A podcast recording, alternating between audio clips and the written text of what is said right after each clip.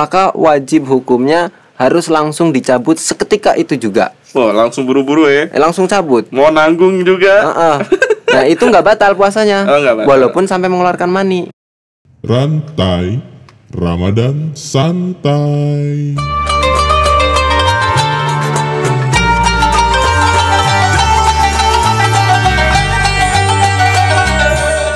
Assalamualaikum warahmatullahi wabarakatuh. Waalaikumsalam warahmatullahi wabarakatuh. Balik lagi di channel Kaji Santai yang malam ini lumayan nyantai kita karena malam minggu. Biasa malam minggu kerjaannya nyantai doang. Sebab lu jomblo. Iya.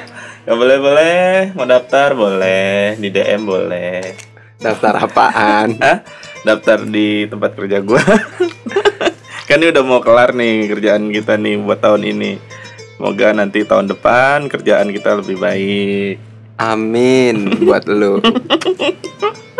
I'm done. Spoiler lo. Oke, kaji santai kali ini akan membahas eh eh jangan lupa sebutin program kita Oh tadi. iya, program kita kali ini kan program rantai. Santai Ramadan Santai. Ramadan santai Ramadan santai kali ini Di episode keempat Udah nggak berasa ya Episode 4 aja nih Perasaan Dikit kemarin ya. baru episode 3 deh Ya iyalah. Sekarang 4 ya kemarin 3. Ya. Nah episode 4 kali ini kita bahas Ya hal-hal yang sangat gue khawatirkan sebenarnya Khawatir ya. Khawatir Karena Salah satu yang membuat pola hidup gue berubah Ini ketika Ramadan dan eh, bulan yang lain Yaitu gue harus bangun pagi-pagi nyari makan Dan nyari makannya jauh. Nah, eh, mana di sini nyari makan susah. Dulu kan enak ya, Ciputat kan istilahnya kota mahasiswa. Daerah daerah sekitar Eh, mahasiswa. Daerah-daerah sekitar mahasiswa. Jadi udah paham lah yang jualan mah, yang jualan banyak gitu. Banyak kan. banget banyak pasti. banget pilihan. Ini ya kalau di Pondok Cabe ya maaf maaf nih warteg andalan ya. Cuman ada satu-satunya pak. Aduh. Karena kalau di daerah dekat kampus Mm-mm. banyak mahasiswa, orang jualan banyak dan pasti tahu ini pasti yang beli banyak karena Iya. anak-anak mahasiswa kan ya nggak banyak juga yang mau masak sendiri gitu, Mm-mm. nyiapin sahur sendiri pasti pada beli kan. Jadi banyak yang buka. Kalau di sini rata-rata perumahan yang orang-orang udah berkeluarga jadinya kan nggak banyak warung-warung yang buka pas sahur. Iya, jadi agak merepotkan lah untuk urusan makan ini tolonglah pemerintah ya pemerintah. Kok pemerintah? Tolonglah para penjual warteg. iya, tolonglah para penjual warteg jualan lah. Biar ada pilihan nih, apa kek. Jangan satu tempat kadang ya rada-rada bosen juga lah. Nah, apalagi mm, masih ngantuk-ngantuk nih ya kita bangun ya mending bangun kadang gua nggak tidur demi nungguin sahur. demi nungguin sahur gitu kan Ya, ya, Jadi ya, ya. mau nggak mau pola hidup gue berubah dan akhirnya pagi gue kerja rada-rada beler gitu kan, rada-rada ngantuk, kadang sampai ketiduran di kantor gitu kan. Ya, begitulah. Gitulah, pokoknya suka duka Ramadannya enak lah sebenarnya. Jadi agak-agak melek pagi. Kadang gue dapat inspirasi juga, tahu ki kalau misalnya pagi-pagi nungguin sahur, tek tek tek tek bisa ngerjain apa, bisa ngerjain apa. Jadi Oke, ya. masih banyak manfaatnya sebenarnya karena gue yakin namanya ilham itu keluarnya di sepertiga malam gue yakin Asik, berarti lu tiap sepertiga malam dapat ilham terus ya. iya gue gue kebanyakan kalau misalnya dapat ide-ide menarik tuh di sepertiga malam ketika semua orang tidur terus eh, suasana sen- tenang eh, anyep-anyep apa gimana ya dingin-dingin enjoy gitu kan Iya, iya, iya. jadi eh, ide-ide tuh cepet datang ki Oh. Hmm. Memang iya sih waktu sepertiga malam buat ide-ide juga gampang dapet, buat ibadah juga bagus. Nah, gitu itu mungkin kan. kali ya kenapa tahajud itu harus enaknya sepertiga malam kali ya. Iya bisa jadi. Jadi eh, orang-orang lagi pada tidur terus suasana tenang segala macem jadi lebih khusyuk kayaknya Iya. untuk kita berdoa gitu Ya ya. kalau kita ngomongin masalah sepertiga malam juga kita kaitkan dengan pembahasan kita yang dulu di bukan di, di luar program rantai nih Iya. yaitu tentang Isra Mi'raj pun terjadi pada saat sepertiga malam juga kan? Iya, jadi emang sebenarnya ketika di mana waktu kita orang-orang pada tidur terus kita terjaga itu kayaknya waktu yang tepat untuk berdoa ya. Betul. Mm-mm, Tapi makanya- gini, lo tadi bilang di awal khawatir. Berarti khawatirnya tuh lu sebenarnya khawatir warteg nggak buka. Nah, ini khawatiran gua, gua keseringan susah untuk bangunnya itu. Kalau misalnya gua ketiduran nih, terus bangun, bangunnya tuh mepet banget ki, mepet gitu. Nah, apalagi gue bilang tadi kan kita nyari makanan susah, Oh iya, harus enak. jalan dulu. Nah, jalan dulu, prepare dulu, niat dulu buat jalan, manasin motor lagi, apa segala macem. Dan itu harus pakai motor ya, jalannya bukan jalan kaki karena lumayan jauh. Karena gue bukan tipikal yang nyiapin sahur Misalnya jam 10 gue nyari makan buat sahur Bukan tipikal kayak gitu Ki Karena Oke. Pengen makanan yang tetap kondisi hangat gitu kan. Fresh. Fresh gitu kan Jadi kalau adem-adem nasi rada-rada keras kayaknya Aduh kayak rada kurang lah gitu Oke, kan iya, iya, Nah, iya, iya. Jadi makanya akhirnya gue tidur Ah, Pas tidur Eh mepet banget Ki Bangunnya. Heeh, Karena kita sahur kan Ya jam berapa ya enaknya kalau menurut lu sahur tuh? Sahur kalau kita subuhnya itu sekitar jam setengah lima ya mungkin jam empatan atau empat kurang lah Heeh, gitu. jam jam empatan lah ya. Iya. Mm, jadi istilahnya kadang gue mikir nih, wah kalau sahurnya jam 2 nih, ntar nggak kuat puasanya masih ajak mikir kayak bocah sih. Iya, iya, iya, iya. Harusnya sih kuat-kuat aja ya. Iya, iya. Cuman kadang mikir, aduh, kita memaksimalkan waktu sahur kan gitu Nah, kan. iya, paham, paham. Waktu sahur yang yang paling dekat dengan imsak. Nah, cuman di sini takutnya terlalu mepet sama imsak tuh ki. Nah, yang gue pengen tanya tuh imsak tuh apa sih? Jadi gini, apa namanya kalau kita ngomong ke sahur dulu ya. Mm-mm. Tadi lu bilang kalau sahur jam 2 takut nanti puasanya nggak kuat. Iya. Ya kan? Masih pikiran Heeh, pikirannya pikiran begitu. kayak anak SD.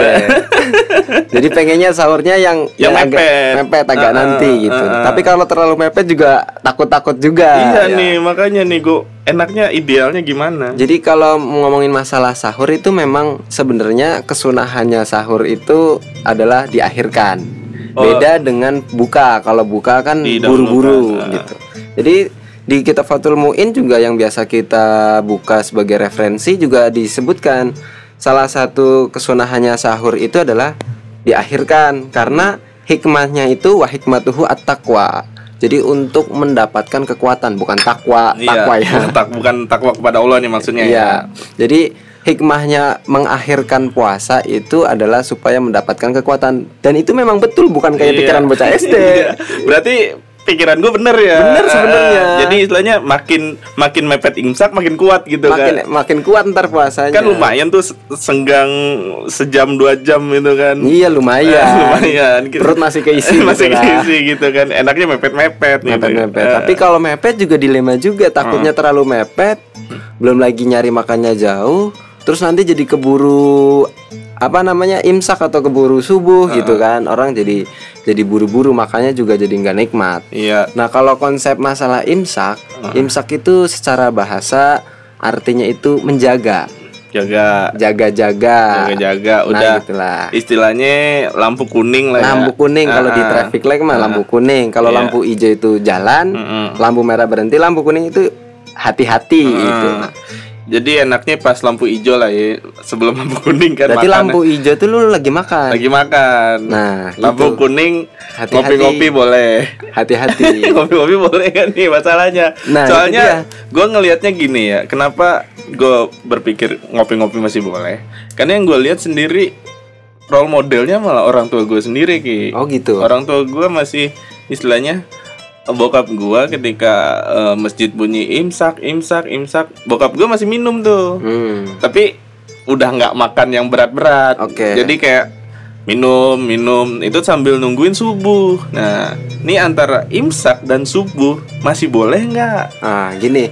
Jadi sebenarnya orang berpuasa itu kan dimulai dari saat waktu keluarnya fajar Heeh. atau kalau dalam kitab-kitab klasik itu disebutkan namanya fajar sodik. fajar sodik Iya, Artinya- yaitu yaitu waktu subuh gitulah Subuh, ya. gampangannya. Ah, subuh. Nah, cuman kan kita juga susah tuh kan mana sih Fajar Sodik kayak gimana kita nggak pernah bisa ngelihat dengan jelas kan. Iya. Ya intinya gampangnya waktu waktu subuh. Jadi puasa itu dimulai dari waktu subuh sampai maghrib. Itu dimulai dari Allah Akbar pertama tuh. Iyalah dari pokoknya dari waktu subuh gitu dah. Adzan subuh sampai maghrib.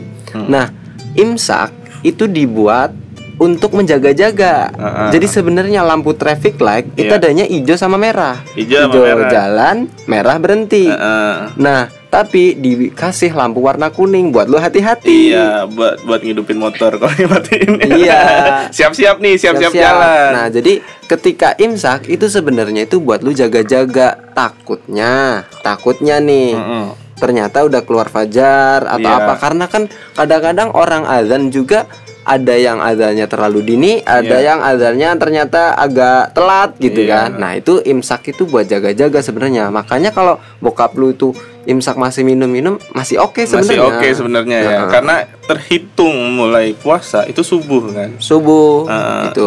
Cuman dengan adanya imsak kita jadi bisa lebih menjaga-jaga gitu sih sebenarnya. Hmm. Karena tidak kita tidak bisa melihat subuh tanda-tandanya. Nah, itu, Itu. dia. Hilal aja ngelihatnya pakai teropong kan Nah, subuh iya. gelap gimana ngelihatnya? kalau mau presisi tiap hari, tiap pagi lu lihat pakai teropong tuh udah keluar fajar belum ya Iya, gitu. cuman ribet Ribet. nah mendingan sebelum subuh lu udah berhenti dulu Iya. itu itu fungsinya imsak Ah, gitu Jadi bukan berarti imsak nggak nggak boleh minum juga kan masih Ah. boleh lah. Kalau masih imsak imsak minum gitu masih oke ya. masih oke Kecuali jadi kalau azan adzan kalau adzan udah jangan lah nggak boleh karena udah terhitung ya. Nah, jadi konsepnya itu bukan berarti imsak itu berarti lu nggak boleh makan, bukan pula ketika udah imsak lu masih boleh makan-makan seenaknya. Iya. Karena imsak itu untuk hati-hati gitu lah, buat jaga-jaga gitulah. Tapi kalau kondisinya kayak gini kayak misalnya gua gue nggak tahu nih imsak kapan nih. Gua gua udah mepet banget nih, mepet istilahnya gue baru keluar jam 4 kan baru bangun tuh udah buru-buru pengen makan udah beli tuh Jalan 10 menit. jalan 10 menit sampai tuh gue makan tuh buru-buru udah makannya nah tahu-tahu azan di dalam mulut gue masih ada makanan tuh gimana Ki? Nah, itu juga udah ada keterangannya di sini. Nih, ini gua baca ya. Gua baca, walau tola al-fajru wa fi famihi ta'amun falafidahu qabla ayunazila minhu syai' li jawfihi soha saumuhu. Kalau lu eh, apa namanya makan, ya kan? Terus tiba-tiba azan subuh Iya dan di dalam mulut masih ada makanan. iya Selagi makanan itu belum masuk ke dalam rongga perut lu, muntahin.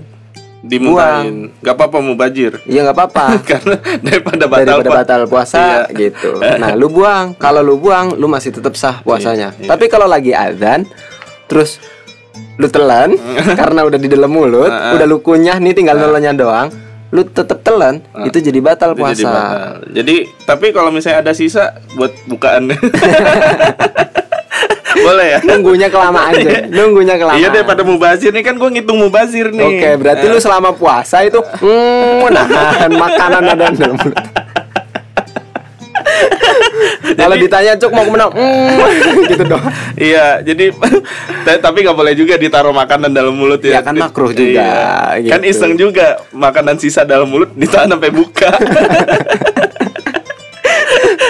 Iya iya. Tapi iya. kecuali gini, Heeh. kalau misalnya ketelennya itu nggak sengaja, Oh nggak sengaja masih oke. ya. masih oke. Lu lagi makan, set di mulut nih, ada, latah, ada azan. ada azan lu latah nih. Oh, ketelen, ya ketelen. gitu. Oh, berarti nggak Masih nggak apa-apa. Karena hitungannya ketidaksengajaan. Ketidaksengajaan. Nah. Tapi kalau udah tahu azan, lu sadar terus ditelen, hmm, ya itu jadi batal. itu jadi batal. Oh, berarti jadi istilahnya azan itu udah lampu merah dah. Lampu merah udah, udah. stop semuanya Udah stop. stop. Buang. Kalau lu jalan kan jadi ditilang ntar sama polisi. Iya, nggak boleh. Nah, Oke. kalau ditilang ntar bayar. ya sama Bayar. denda, jadi Denda. kena hukuman gitu lah. harus bayar apa kodok ya. Ya kodok, Kodok. gitu. Tapi- itu juga berlaku buat minum juga. Minum juga. lu lagi minum glek glek glek tiba-tiba adzan. Ya. Nah, itu lu muntahin tuh airnya. Hmm. Jangan malah langsung ditelan. Gitu. oh iya iya iya iya. Malah malah ini ada ada lanjutannya nih. Apa tuh? Eh keterangan tadi masih ada lanjutannya. Wakada laukana mujami'an ingda itida itulu il fajri fanazi'a fil hal ay akibatulu ihi fala yuftiru. Begitu pula bagi orang yang sedang berhubungan suami istri. Nah, ini nih, ini menarik nih. Lu kalau yang kayak gitu menarik-narik mulu lu. nih, berarti tapi iseng juga sih kalau misalnya ada lagi gak tau imsak gak tau bulan puasa ya mau deket-deket jam 4 masih aja gitu ya. Iya. cuman cuman menarik cuman hukum kayak gini harus ditulis juga Ki, ya. Iya iya harus Nah, harus. ah, biar Ya, jelas. Menurut gue juga ini iseng juga Ah, ya. iseng Bulan juga. puasa, waktu sahur. Udah lihat jam jam 4 jam 4 Terus lu berhubungan suami istri Eh, ya kan? Kelar makan langsung gitu kan berarti. Kelar makan masih aja Bapak Ibu ini gitu Iya kan, Bapak Ibu ini masih berhubungan. Terus tiba-tiba azan subuh. Nah, itu harus segera dicabut. Apa dicabut? Singkong. Mr. J. Eh, Mr. J harus dicabut. ya. Mr. J apa? Jakun, jakun. Iya, iya. Itu harus segera dicabut. Nah, eh. Nah, walaupun sudah eh, keluar cairan, Nah, eh, keluar mani. keluar mani, Heeh. nah, itu tetap nggak batalin ketika lu ketika berhubungan suami istri, kemudian dengar azan Bukan subuh. gua, bukan orang-orang. Ya, Gua. ketika karena lu belum punya istri. Oke.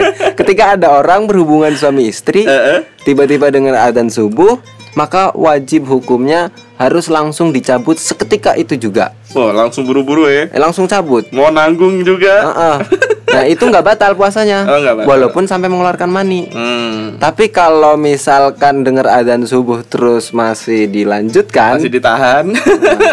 Itu batal. itu otomatis malah wajib kodok dan kena bayar kifaroh. Eh, bayar denda juga. Betul sekali. iya. Kifarot kalau nggak salah di pertemuan lalu di episode lalu kita udah pernah bahas tuh kifarotnya apa. Habis itu langsung mandi dah ya. Nah, habis itu mandi. Baru sholat subuh. Baru sholat subuh. Kecuali kalau nggak sholat subuh berarti mandinya ntar. ya parah juga sih kalau sholat subuh. Enggak ya parah. Udah mah sahur-sahur begitu. Iya, udah Nggak sholat subuh. Udah tau jam 4 kan masih aja.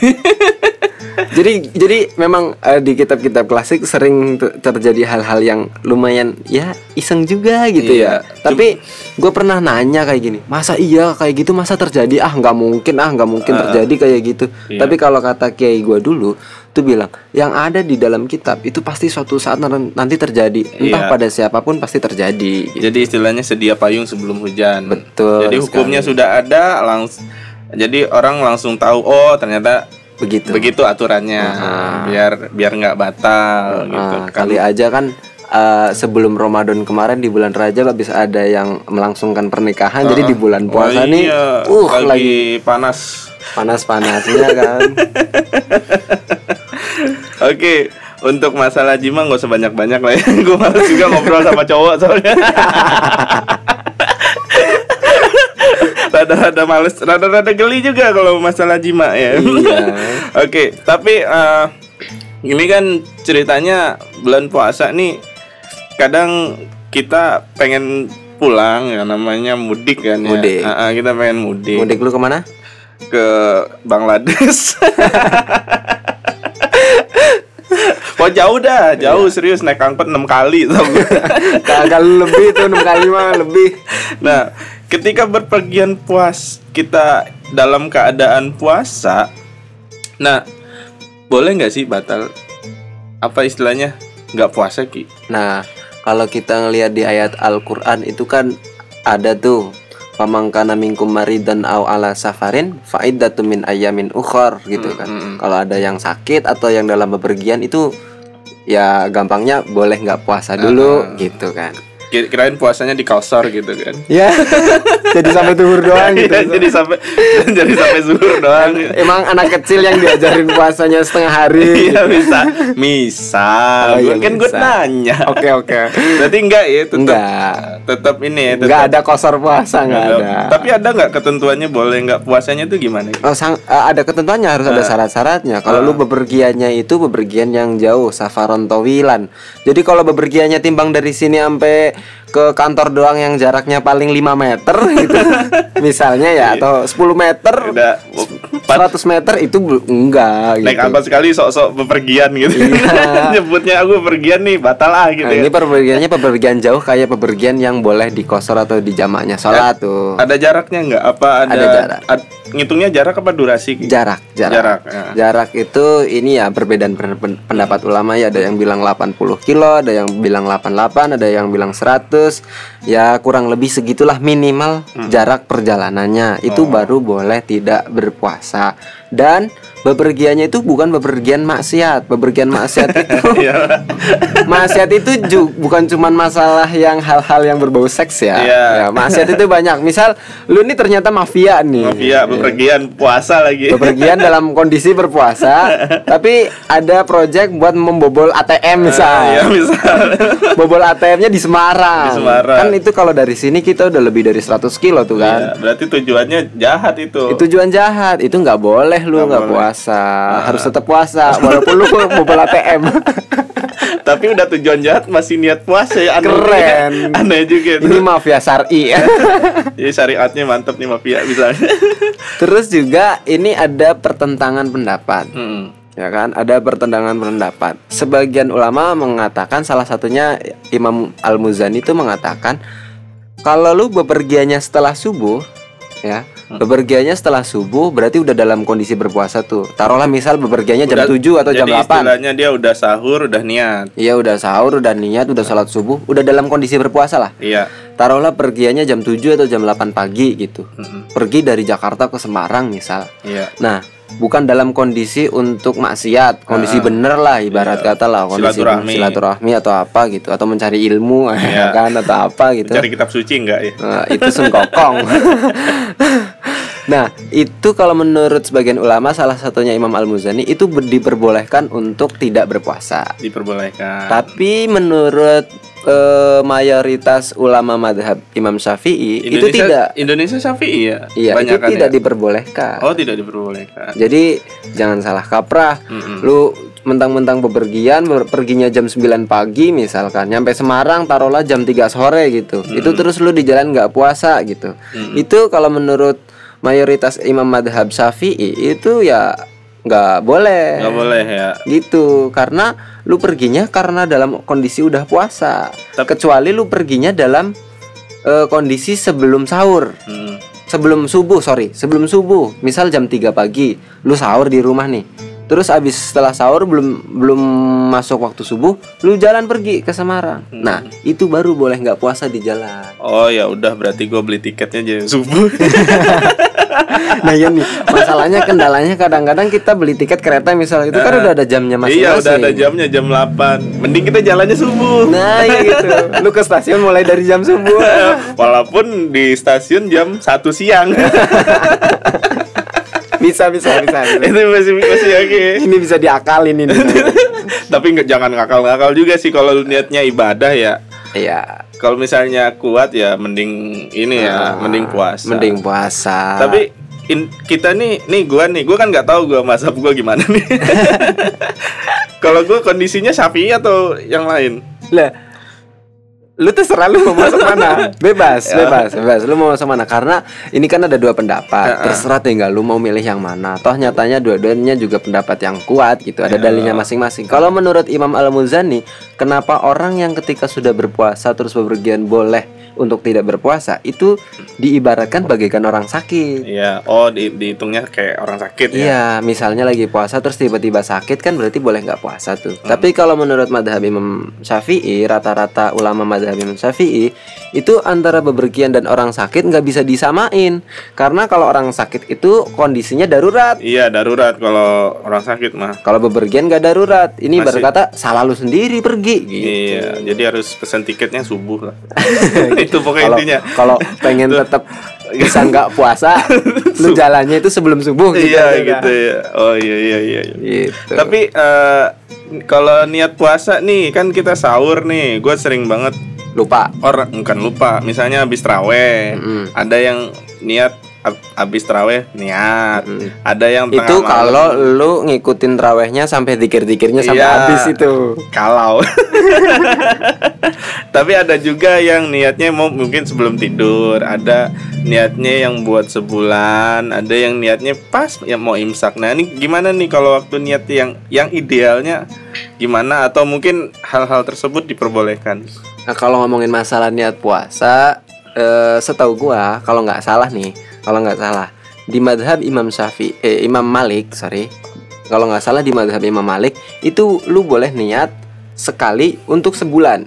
Jadi gua niat berpuasa pada bulan Ramadan untuk 30 hari. Sekali Iya. doang niat itu boleh. Boleh, Tapi ya. kalau menurut Imam madhab Imam Syafi'i enggak sekali puasa satu kali niat. Makanya tiap malam lu wajib niat gitu. Cuman Dan waktunya waktunya niat itu ya dimulai dari setelah lu buka. itu udah boleh ya? Iya, abis lu buka Ya, habis selesai, minum air putih langsung niat lagi langsung boleh? niat lagi. boleh. ya? boleh. boleh.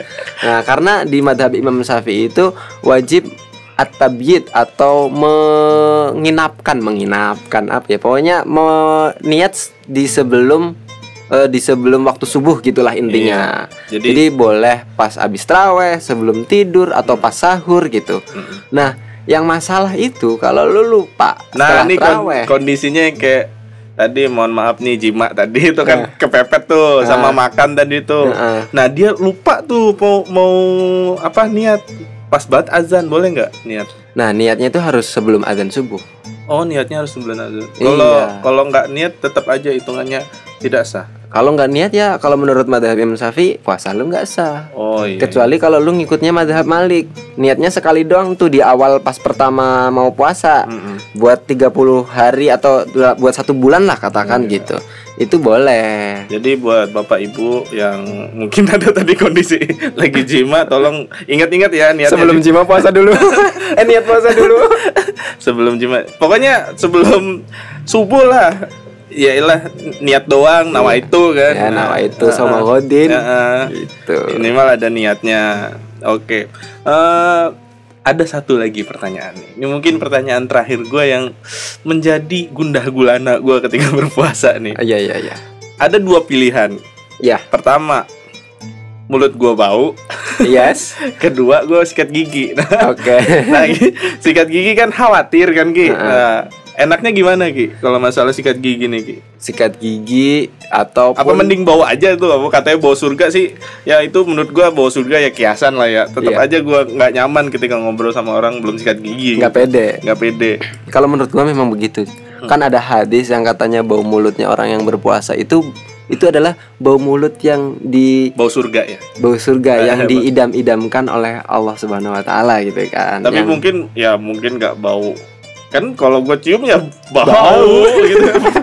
gua nggak kebayang bau surga kayak gitu. Mungkin tuh kiasan kayaknya Ki. Nanti metafor lah itu. Nah, mungkin nanti setel- baunya yang bau banget itu nanti pas di surga diganti dengan harum gitu ya. Iya, nanti Ah, kalau di sekarang kan tetap aja bau kan. Iya, sama aja bau. Bukan berarti terus tiba-tiba jadi wangi iya, gitu. enggak. Di Kecuali- dunia belum ya, belum lu wangi. minumnya bukan air putih, minumnya minyak misik tuh baru. Mungkin nanti di akhirat baru diwangikan orang-orang yang berpuasa itu mulutnya ya. Iya betul sekali diwangikan nanti di Ah. sana. Ya kalau menurut gua gini, memang eh, ada ketentuan yang menyatakan salah satu yang memakruhkan puasa itu adalah bersiwak setelah eh, waktu zuhur. Oh, Nah. iya iya. Kita kiaskan siwak dengan sikat gigi. Odol ya, Nah, tapi sikat gigi nanti ada lebih detailnya lagi. lebih detailnya lagi. Eh, kalau sikat gigi pas puasa itu makruh. Oh, makro. Karena apa? Kalau sikat gigi kan biasanya orang pakai pasta atau ya pakai pasta gigi. Pepsodent, odol. ya gitulah, pakai odol.